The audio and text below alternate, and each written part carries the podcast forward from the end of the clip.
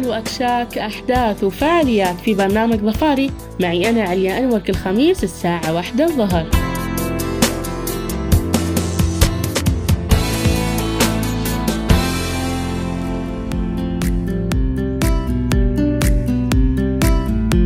البحر يعني الموج والغوص وشبك وقارب ولا باخرة أو سفينة والسمك أو مثل ما نقول بالظفاري صيد.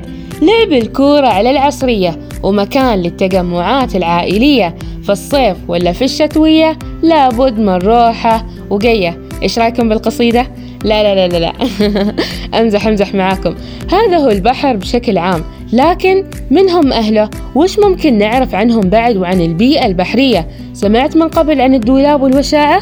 مهم ما سمعت طيب طيب بخبرك عنها وعن تفاصيل بحرية أخرى أمسي عليكم بالخير ويا حي وسهلا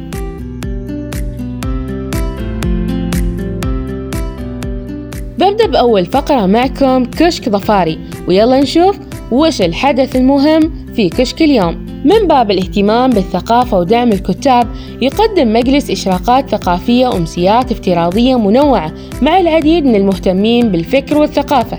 بس لحظة لحظة من هو مجلس إشراقات ثقافية؟ هو مجلس ثقافي تحت إشراف وزارة الثقافة والشباب والرياضة. ويهدف لاستقطاب مواهب الشباب الإبداعية الثقافية والأدبية وإبراز دور المرأة العمانية في الأدب. أيضا الاطلاع على الأدب العماني والخليجي والعربي والتعريف به. ومو بس كذا يهدف لإقامة ورش متنوعة مختصة بالكتابة والقراءة التي تصقل المواهب والمهارات ويهتم بالمفكرين والباحثين والكتاب ويعمل على أمسيات ولقاءات مع باحثين في مجال التاريخ والأدب والحضارة وناشطين في مجال الإعلام والصحافة. ومع أن الوضع اللي نعيشه الآن صعب والكثير من المؤسسات للأسف توقفت أنشطتها ولكن ما زال مجلس إشراقات مستمر بالعطاء عن طريق مختلف مواقع التواصل الاجتماعي وش قدم المجلس؟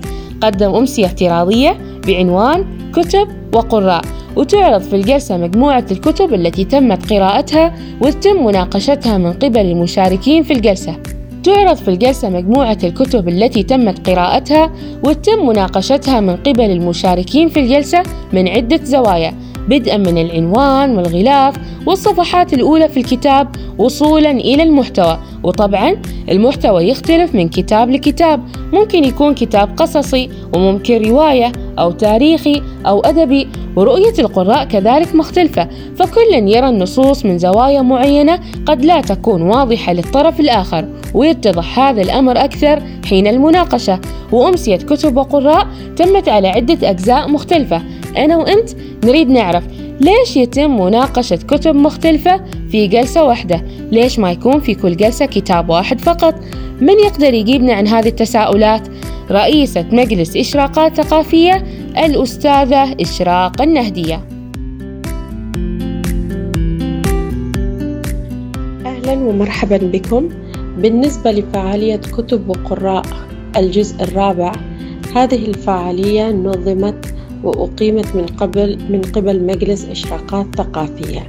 كان هناك تساؤل دائم لماذا الجزء الرابع؟ في الحقيقة نحن جروب أو فريق آه، نقوم بكتابة القصة القصيرة وأيضا آه، هناك من يقوم أيضا من هذا الفريق يكتب الرواية ويكتب الشعر ويكتب المقال. يعني آه، كل واحد عنده مجالات مختلفة في الكتابة. من 2016 وإحنا نقوم بعمل فعاليات كثيرة من ضمنها فعالية كتب وقراء. هذه الفعالية آه، سلسلة متواصلة ووصلنا فيها إلى الجزء الرابع. من قبل قد قمنا بقراءة العديد من الكتب وقمنا بكتابة آه، رؤى انطباعية في عدة كتب والقراءات. فكانت الحصيلة أنه نحن وصلنا إلى الجزء الرابع. الأجزاء السابقة قمنا أيضا فيها بتغطية آه، عمل قراءات للعديد من الكتب سواء كانت عربية أو عالمية أو كانت كتب لكتاب عمانيين. فوصلنا إلى الجزء الرابع والهدف من هذه الفعالية تعريف المجتمع بالمنتوج الأدبي العماني وأيضا العربي والعالمي من خلال قراءة هذه الكتب وعرضها بشكل مشوق وبشكل عميق بطريقة مرتبة ومنظمة آه، ونسعى من ذلك إلى تشجيع وتحفيز المشاهدين والمتابعين إلى قراءة هذه الكتب.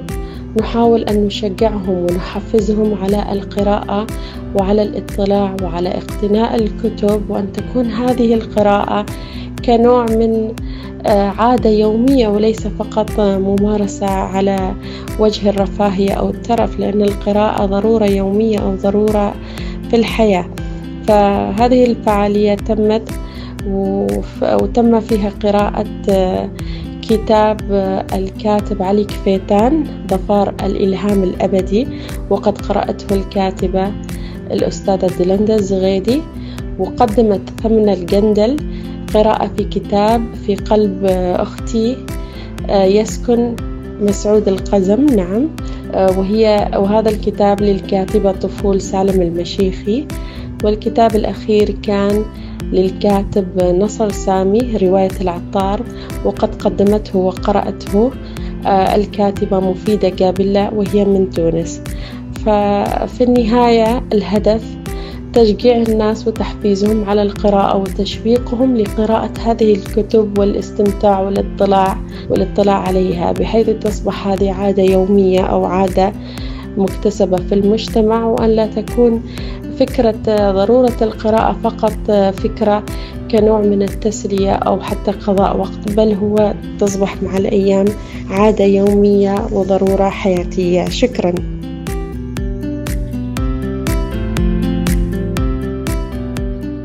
شكرا جزيلا للأستاذة إشراق النهدية على هذا التوضيح. والحين ننتقل معاكم الفقرة الثانية بس أريد أسألك قبل أنت كيف أمور حياتك هالأيام؟ أفا متبهذل سهالات سهالات. هي كذا الحياة يوم أبيض ويوم أسود وساعة حلوة وساعة مرة. مرة زينة ومرة شينة. وهذه تتقلب وما تثبت على حال واحد. يقول لك إذا حياتك كلها ماشية سيدة يعني أنت ما عشتها صح. لازم تتبهذل شوية وبعدين ترجع الأمور طبيعتها. وبعدين الصبر زين. ما سمعت المثل الظفاري إيش يقول لك؟ يقول لك المثل من قدوة تحت الرحاء يصبر على تقرقارها. الرحى طبعا اللي هي الآلة التقليدية المستخدمة لطحن الحبوب مثل الهريس وأتوقع كلنا نعرفها اللي هي عبارة عن حجرين دائريين كبار وفي النص خشبة وفي إحدى أطرافها أيضا خشبة بس تكون طويلة شوية ويتم وضع الحبوب ما بين الحجرين حتى يتم تحريك الخشبة وبعدها يتم طحن الحبوب ومعنى كلمة تقرقارها هي كلمة من الدارجة الظفارية وتعني بهذلتها أو شدتها وبكذا صار المثل تقريبا واضح. يعني المثل يشبه الحياة بالرحل اللي تطحن. وإنت كأنك مكان الحبوب. والله سمحوا لنا يعني إحنا ما نريد نخوفكم. لكن المثل هو اللي قال مو أنا. وعموما يعني دام إن الحياة بتطحنك وتبهذلك إنت لازم تصبر. طبعا مو بتطحنك يعني مرة مرة بتفتتك بس بتعبك يعني. وهذه هي سنة الحياة. وأمام المواقف الصعبة والتحديات عزيزي المستمع ما عندك إلا خيارين. إما الصبر أو الصبر ولا خيار ثالث. ليش؟ لأنه مثل ما قال المثل من قدوة تحت الرحى يصبر على تقرقارها. ووصلنا للفقرة المنتظرة فقرة بيئات. وودي إن نبحر مع البحار ولكن أي بحار قبل ما تبدأ رحلة الغوص والصيد كثير أشياء لازم يسويها وبدونها ما يقدر أو ما يفكر من الأساس إنه يبحر سواء كان مسافر للتجارة ولا رحلة بحرية لسبب مهم مثل إنه ياخذ قوت يومه وقوتنا نحن بعد. وأكيد دامه بحار فبيستخدم الشباك وطبعا شباك خاصة بالصيد وتختلف أنواعها. ممكن تكون حياكة هذا الشباك بشكل فردي وممكن بشكل جماعي مع بعض ويتشاركوا فيها مجموعة من الرجال والنساء حتى يوصلوا للطول والعرض المناسب للشبك. وتستغرق حياكة الشباك وصناعة الحبال ستة أشهر. وهنا أيضا المرأة شريكة الرجل في العمل وبالتحديد في قسم الدولاب. والدولاب عبارة عن آلة يستخدموها لتحويل الغزل لخيوط يتم صناعة شباك الصيد منها والوشاعة هي حياكة شبك الصيد بعد الانتهاء من قسم الدولاب حيث خيوط الشبك تصل لثمان أمتار عبارة عن تسعين قطعة يتم تجميعها. ومثل ما نعرف أن مختلف البيئات في ظفار مرتبطة بالفن ارتباط عميق والبيئة البحرية لها العديد من الأهازيج والفنون ويرددوها في البحر أو أثناء الحياكة. ومنها أغنية مميزة جدا من كلمات الراحل المرحوم بإذن الله نور بن محمد البلوشي. يقول فيها وقف بنسأل الربان. ليه جالس على السكان.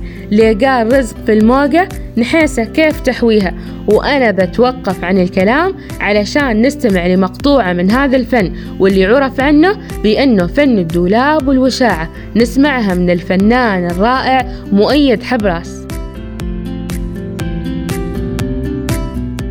فضولي قبل كلمة ولايا عرف معانيها فضولي قبل كلمة ولايا عرف معانيها فضولي قبل كلمة غشمة يعرف المعنى وقاوى بتوبة معروف وغلب ما طاعة يفتيه فضولي.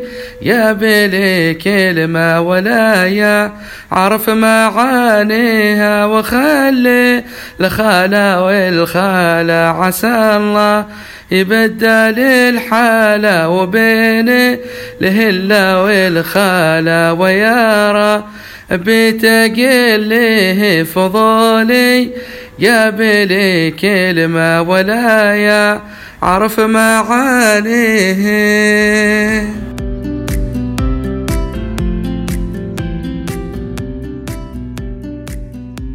وبعد هذا الصوت الجميل وصلنا للختام. نلتقي بكم في حلقة جديدة من برنامج ظفاري يوم الخميس الساعة واحدة الظهر. واللي تفوتوا الحلقة يستمع للإعادة الساعة تسعة المساء. أشكركم على حماسكم المستمر وتفاعلكم مع البرنامج. وعلى خير.